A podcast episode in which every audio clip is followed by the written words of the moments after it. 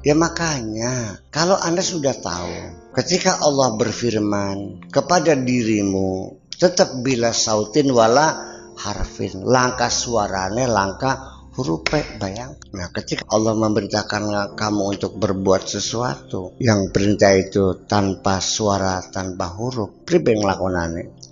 Nah di situlah makanya kita kembali kepada kesucian hati, kebersihan pikiran, ketenangan, kejernihan, baru bisa mentransfer, baru bisa menginterpretasikan apa yang diinginkan oleh Allah. Dan selama ini kita tidak pernah bertanya di dalam diri kita sendiri apa yang diinginkan oleh Allah. Mengapa kita gelap gulita seperti itu, tidak mau mengerti atau tidak bisa paham apa yang diinginkan oleh Allah. Karena kita selama ini diri kita tertutup dengan keinginan keinginan kita sendiri. Apa yang saya inginkan, itu yang difikirkan.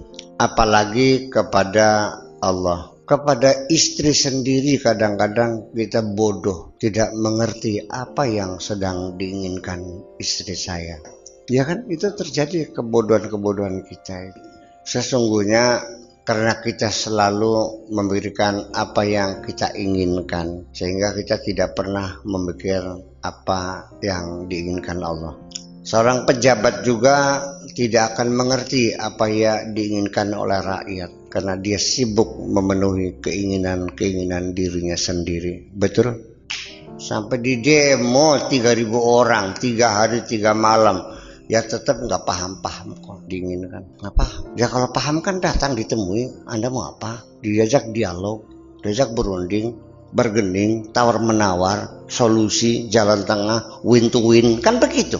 Ya jadi akhirnya ya kita sendiri sebetulnya. Demo-demo yang ada di dalam diri kita setiap saat tapi kita tuli tidak mau mengakomodir keinginan-keinginan yang benar-benar baik itu. Di hati mah iya dia pengen pinter kan. Tapi kenapa turu baik sekolah kau makan kau beli. Kepengen beli mancing suarga? Kusi masih medit baik cari kepengen oleh pekerjaan? Sih beli ngelamar-ngelamar aja. Jadi kita banyak keinginan-keinginan yang tidak diakomodir oleh kita sendiri. Kita ingin membahagiakan ingin membangun rumah tangga yang bahagia. Nyatanya kita tidak pernah melakukan apa pun tenggelam dalam rutinitas saja.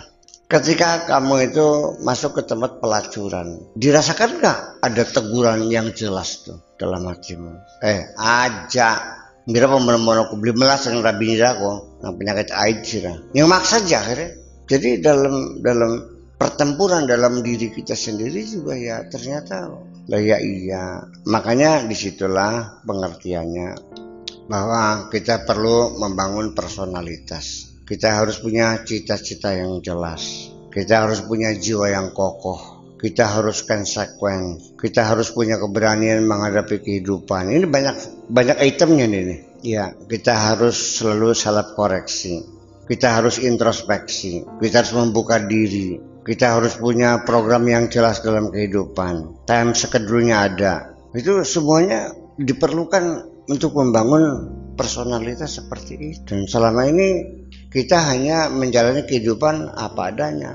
Kita melangkah tertitah-titah kok kaki diseret ngelakoni pegawaian beli ngadep sungkan bungkanane sampai jeleng raini rabi gak membosankan bakal bengi anak nangis menjengkelkan masakan nunggu mas sepak abe ini barang. Apa yang anda dapat? Nol gede kan? Iya enggak? Stres sampai gitu ya ya ujung-ujungnya kembali kepada kita sendiri bahwa ini semuanya itu tidak lepas harus ada eh, pembenahan-pembenahan, merevisi kembali persepsi-persepsi kita tentang makna kehidupan ini, tentang arti keagamaan, tentang fungsi seremoni-seremoni, tentang peran kita dalam bermasyarakat. Apakah kita ingin bermanfaat, apakah kita akan merugikan orang lain? Apa yang bisa kita lakukan? Apa yang kita miliki? Bagaimana cara kita melakukan itu semuanya dalam proses pembelajaran yang sangat panjang di penghujungnya apa pun yang kau lakukan setiap saat revisi perbaikan-perbaikan penyempurnaan-penyempurnaan Anda lakukan dalam hidup Anda di penghujungnya tetap Anda tidak akan pernah menjadi manusia yang sempurna. Itu dinamikanya seperti itu. Nah sehingga peluang kita untuk melakukan kesalahan tidak pernah surut. Peluang untuk salah selalu ada. Kelengahan selalu ada. Nah makanya untuk mengingatkan supaya kita jangan lengah, supaya ada alat kontrol yang bisa menegur kesalahan kita, makanya kita harus open policy, ya, keterbukaan diri untuk menerima saran dan kritik dari orang orang lain, mendengarkan mau itu hasanah, mendengarkan nasihat orang lain, meminta pendapat orang lain, mendengarkan tuntutan orang lain. Itu adalah persyaratan menuju perbaikan-perbaikan. Makanya watawa sobil haki watawa sobil sabar itu sebagai salah satu persyaratan keberhasilan meniti kehidupan ini